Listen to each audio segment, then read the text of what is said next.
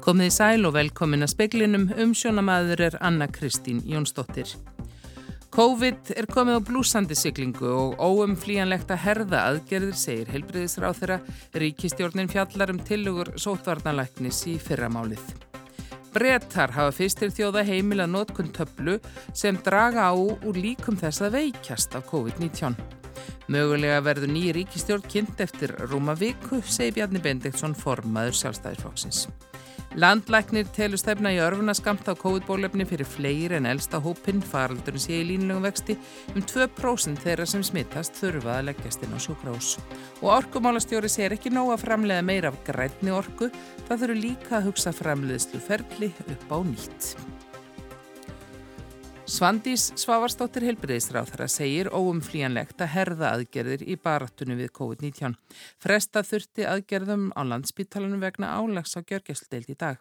Svandís segir risið á COVID-kurvinu óþægilega bratt og að bregðast verði hratt við. Þetta er náttúrulega bara mjög alvarlegt vegna þess að við vitum það að það er alltaf tiltekið hlutfall af smituðum sem að leggjast inn á sjúkrahús. Þannig að ef við sjáum svona mikið ris á bylgjunni að þá vitum við að, að það er tölvert eftir uh, og það er þá ástæða til þess að grípa til aðgerða. Hvaða aðgerða? Já, það kemur í ljós. Ég er búin að fá minnisblad frá Þórólfi og, og hef verið að vinna úr því í dag. Uh, það verður rætt á fundi ríkistjórnar í fyrramálið þannig að ég mun gera grein fyrir því þegar ríkistjórnin hefur fjallað um það. Er Þórólfur að leggja til mjög hertar aðgerðir?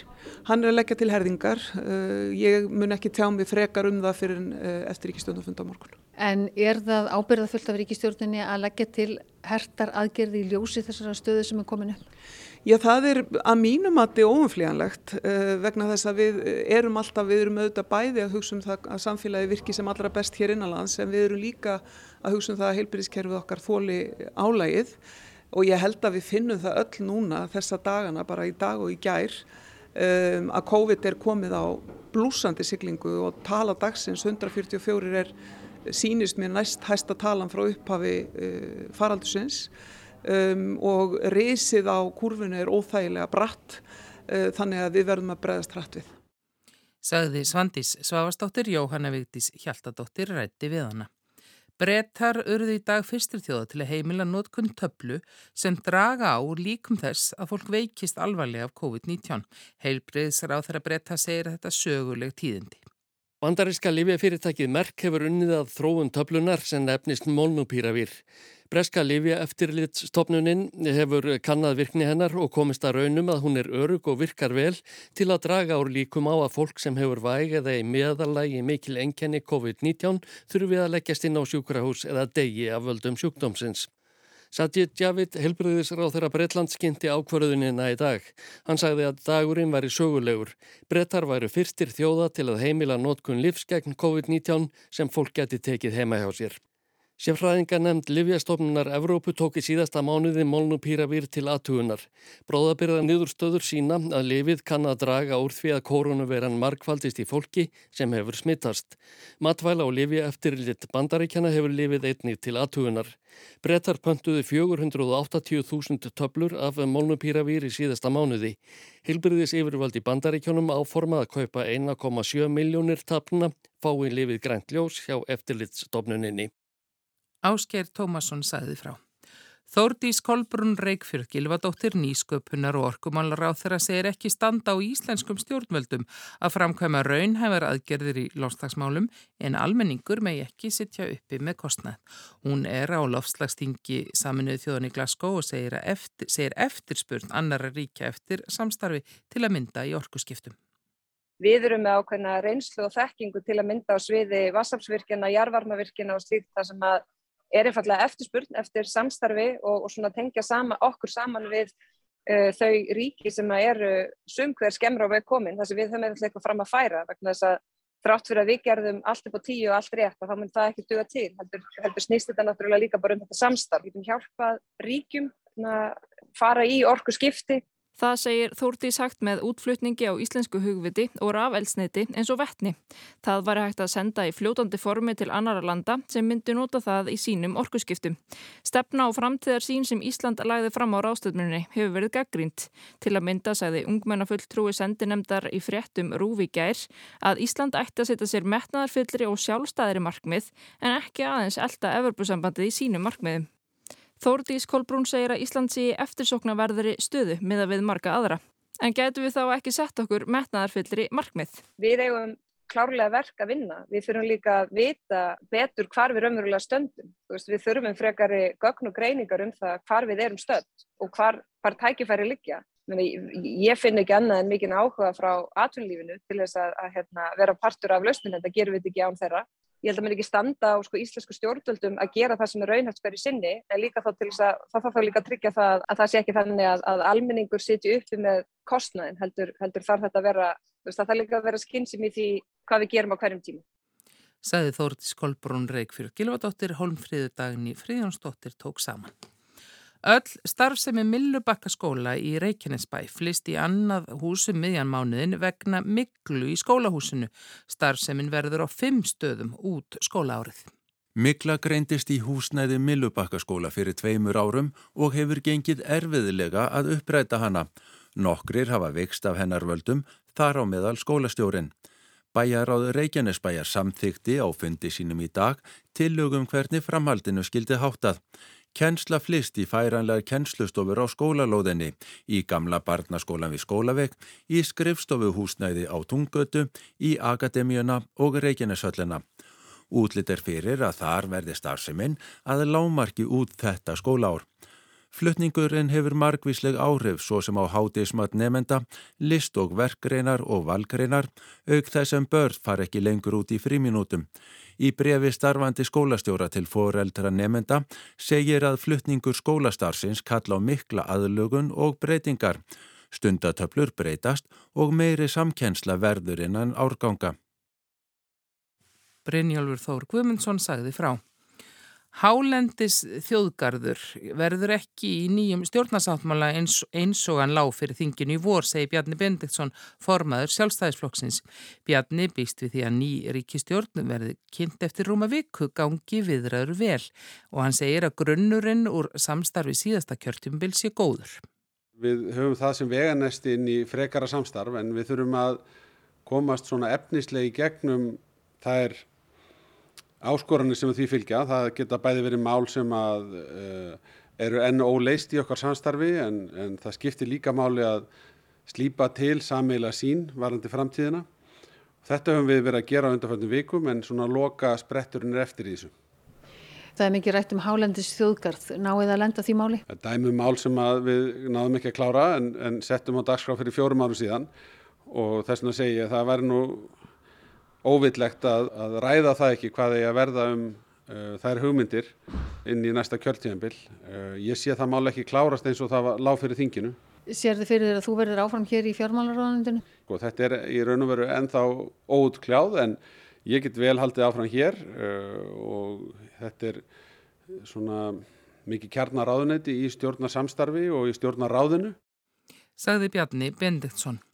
Bilun á samfélagsmiðlum sem var til þess að þeir lágu niður í 6 klukkutíma í síðasta mánuði hafði almennt lítil áhrif á fólk, þó mest á unga fólkið og minnst á kjósendur miðflokksins. Þetta kemur fram í þjóðarpulsi Gallups um áhrif bilunarinnar. 78% segja að hún hafi haft lítil eða engin áhrif á sig. 9% segja hins vegar að bilunin hafi haft frekar mikil áhrif á sig, 1% mjög mikil áhrif og annað prosent að áhrifin hafi verið gífurleg. Þeimun yngri sem fólki er þeimun meira áhrif hafði bilunin. Þannig hafði hún mikil áhrif á 25% fólks undir 30 en aðeins á 3% fólks yfir 60. Tvöfall líklegra var að fólk á höfuðborgarsvæðinu yrði fyrir miklum áhrifum á völdum bilunarinnar en fólk á landsbyðinni. Um 15 stuðningsmanna pírata og viðreysnar var fyrir frekar mjög eða gífurlega miklum áhrifum en aðeins 2% stuðningsmanna miðflokksins. 27% sáðist hafa saknað Messenger mest meðan á bíluninni stóð. 14% sáu mest eftir Facebook og 11% fundu fyrir mestum missi vegna Instagram. Helmingu lesir hins vegar fátum finnast. Samfylkingar fólk og fólk á færtugsaldri fann mest fyrir bílun á Messenger. Viðreisnar fólk og fólk undir þrítugum átti erfiðast með að vera án Instagram og miðflokksmenn og elsta fólkið gáttu síst verið án Facebook. Brynjólf Þór Guðmundsson sæði frá.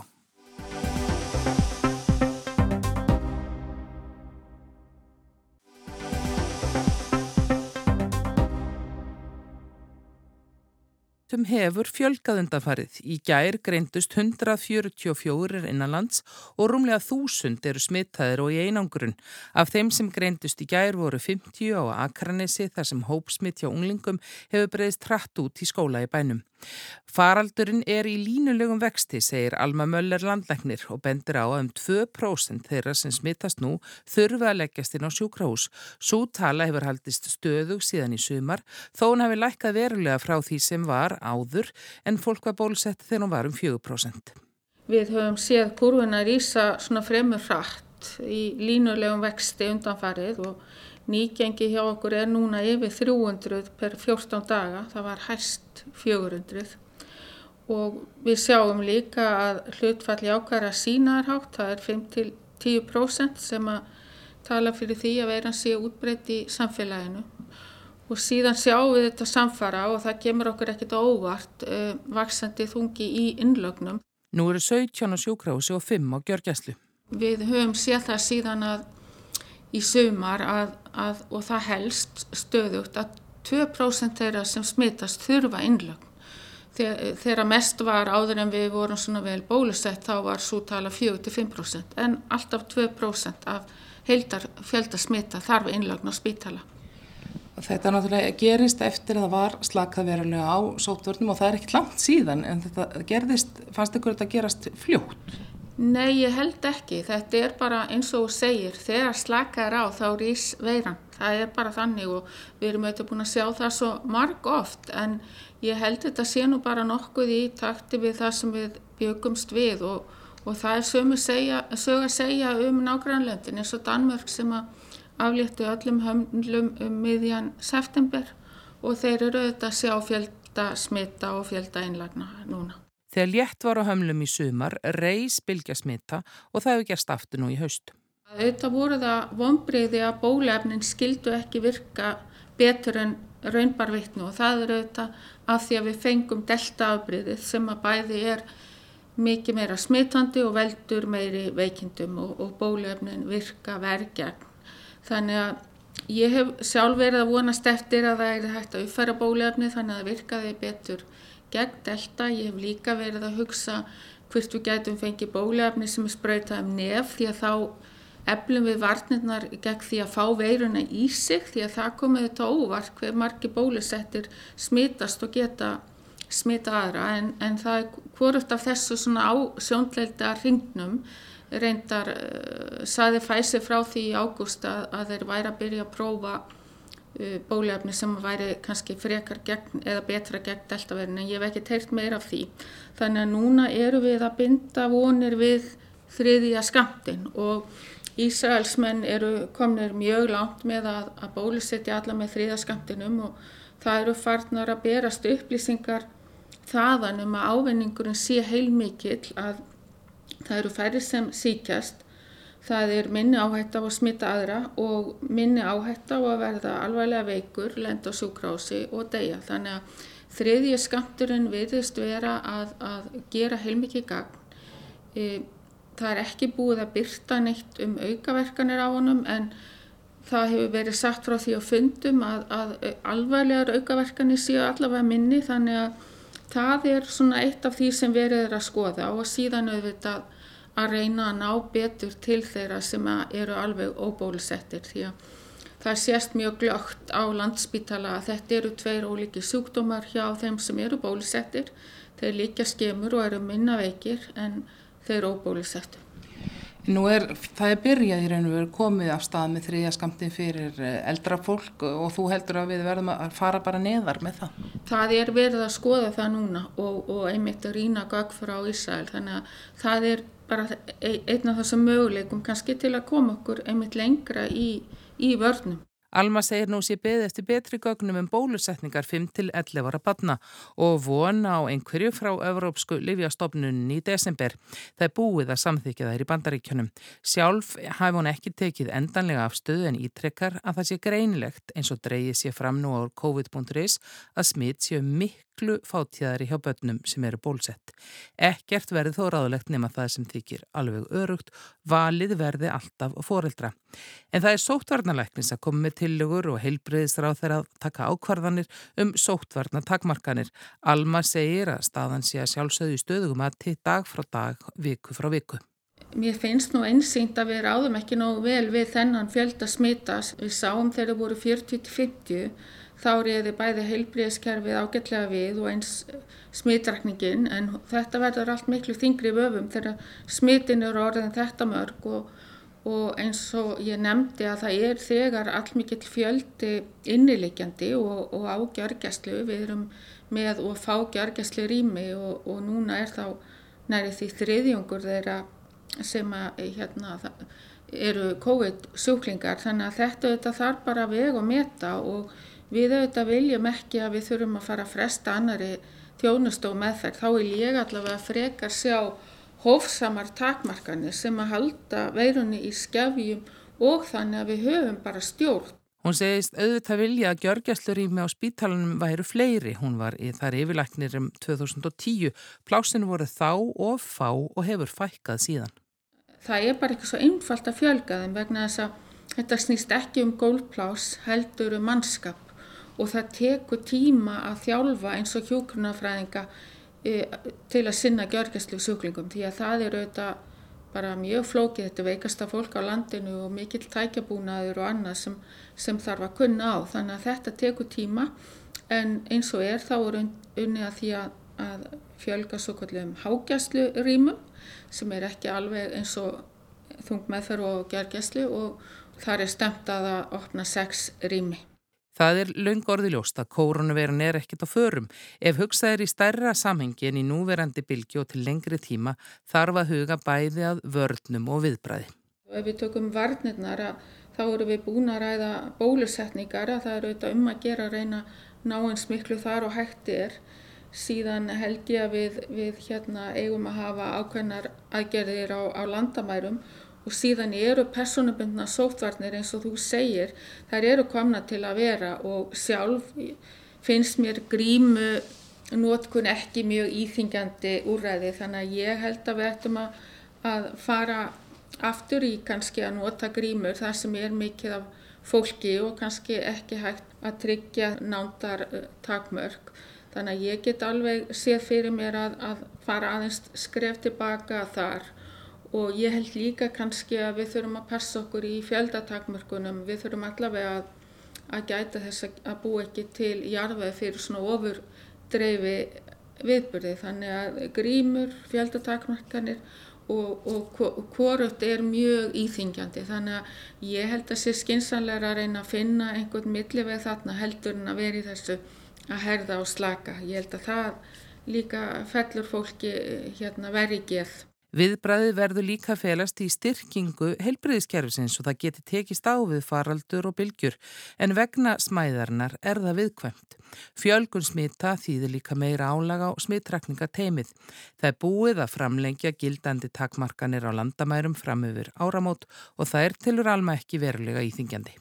Varandi aðgeri innanlands þá er mjög mikil fylgni við, við hérna bara fjölda smita en á landamærum þá vil fólk einmitt hafa einhverja takmarkanir til að eiga þá auðveldara með að hafa mildari takmarkanir innanlands. Sæði Alma Möller, landlæknir. Orkumálastjóri segir ekki sér nóg að framleiða meira hreitni orku. Það þurfi líka að hugsa framleiðslu ferlið upp á nýtt og stór auka nýsköpun. Umbyltandi tækniníjungar hafi verið áberandi í umræðu á lofslagsraðstæfnu saminuðu þjóðana í Glasgow. Halla Hrund Logadóttir orkumálastjóri er í Glasgow og hefur sótt ímsa fundi um orkumál síðustu viku. Á ráðstefnunni segist hún hafa orðið vör við endur tekið stef. Að það er ekki nóg fyrir okkur að horfa bara og að færast yfir í endur nýjanlega orkugjafa.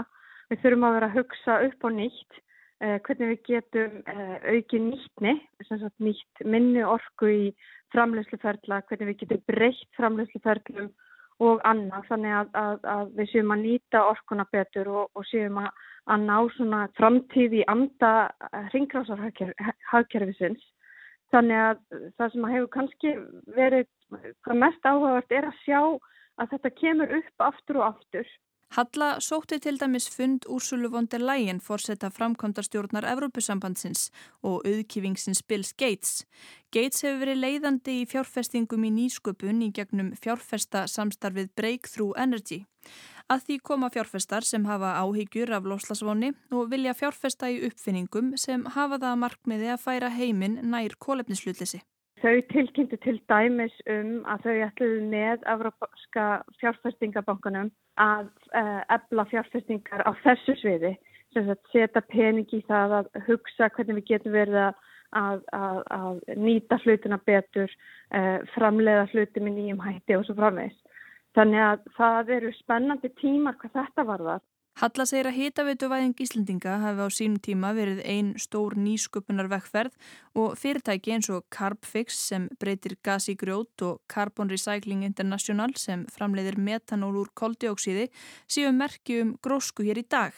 Sama hvert maður lípir áherslun á, á, á nýsköpun sem hvort það er heima eða ellendis, hún er mikil og hún þarf að vera miklu meiri ef við ætlum að ná að, að takast á þetta risavaksna verkefni sem að við erum að reyna að, að finna leiður út úr hér í Glasgow. Hún segir að á ráðstöfnunni sé lögð mikil áhersla á framkvæmdina sjálfa. Það er hvernig eigi að ná samdrætti í losun og kólefnis hlutleysi, en ekki bara á markmiðin sjálf. Mörg verkefni hafa veitt henni innblástur, til dæmis samstarf bílaframleðandans Volvo og stærsta stálframleðanda Svíþjóðar sem að higgjast framleiða fyrsta kólefnis hlutlausa bílin úr kólefnis hlutlausu stáli. Það sé ekki bara ramagsbíl heldur farartæki þar sem að allt heilaferðlið er grænt. Hér heima horfir hún til þess að hlúa vel að sprótafyrirtækjum á þessu sviði sem að oft þurfi langan tíma til að þroskast. Já og hugsa um orkumáli í víðara samhengjan áður til dæmis með því að nýta jarðvarma í auknum mæli. Hvernig við getum nýttan til að þurka vörur til útflutnings, hvernig við getum nýttan til að framleiða fleiri tegundir af, af vörum. Hér er ég að horfa til dæmis á, á matalaframlöslu.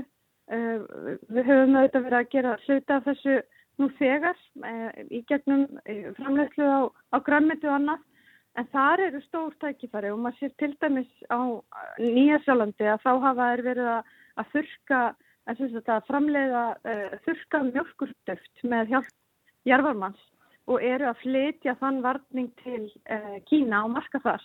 Parísar samkominnlægið miðar að því að heimurinn verði orðin kólefnis hlutlaus fyrir árið 2050. Til þess að það verða veruleika er gert ráð fyrir því að beita ymsum aðferðum og meðal annars tækni lausnum sem eru jafnvel ekki komnar fram eða enn á frumstígi og ekki orðnar nógu skilvirkar. Þetta finnst sumu minga trúverðuleika markmiðsins. Hallarhund segir að vissulega hafi þetta verið gaggrínt en tækninni hafi fleikt hratt fram. Þannig að ég held að við þurfum átt okkur á því að tæknin mun vinna með okkur ef að við setjum fókus á því að, að eflana og nú þegar í dag, til dæmis ef við horfum bara á, á uh, hluti eins og hérna, sam, samgöngur á landi, að þá eru góðu fréttinar, er að tæknin er til, til dæmis í samingi við Ísland, snýstum að byggja hlæðslustöðar og snýstum að, að skapa rétt að kvata og ekki eftir neina að býða. Og það er náttúrulega þarf fjármagn í að hlúa sprótunum, þróa tæknina, skal upp lausninu svo Carbfix. Ertu bjart sín á að, að það fáist? Já, þetta er náttúrulega stóru málunum sem er verið að ræða hér núna. Ég er bjart sín að það náist árangur á því sviði. Ég held að hann verði mismikill eftir ólíkum ríkjum og við sjáum kannski í þessu samhengi hversu miklu máli það skiptir að hafa uh, leiðtóa sem leggja áherslu á máluflokkinn.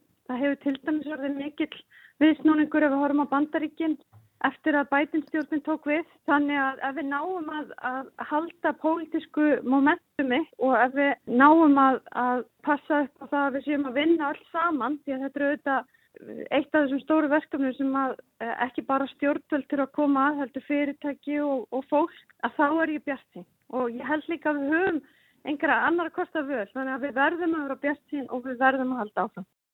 Sæði Hallahrund, Lógadóttir, Arnildur, Haldanadóttir talaði við hana.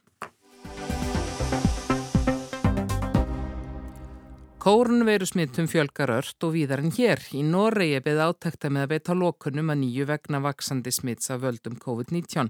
Í sömum bæjum segja sjúkrástjórar að bráðarimi sé á þróttum og mikill skortur er á hjúkunafræðingum.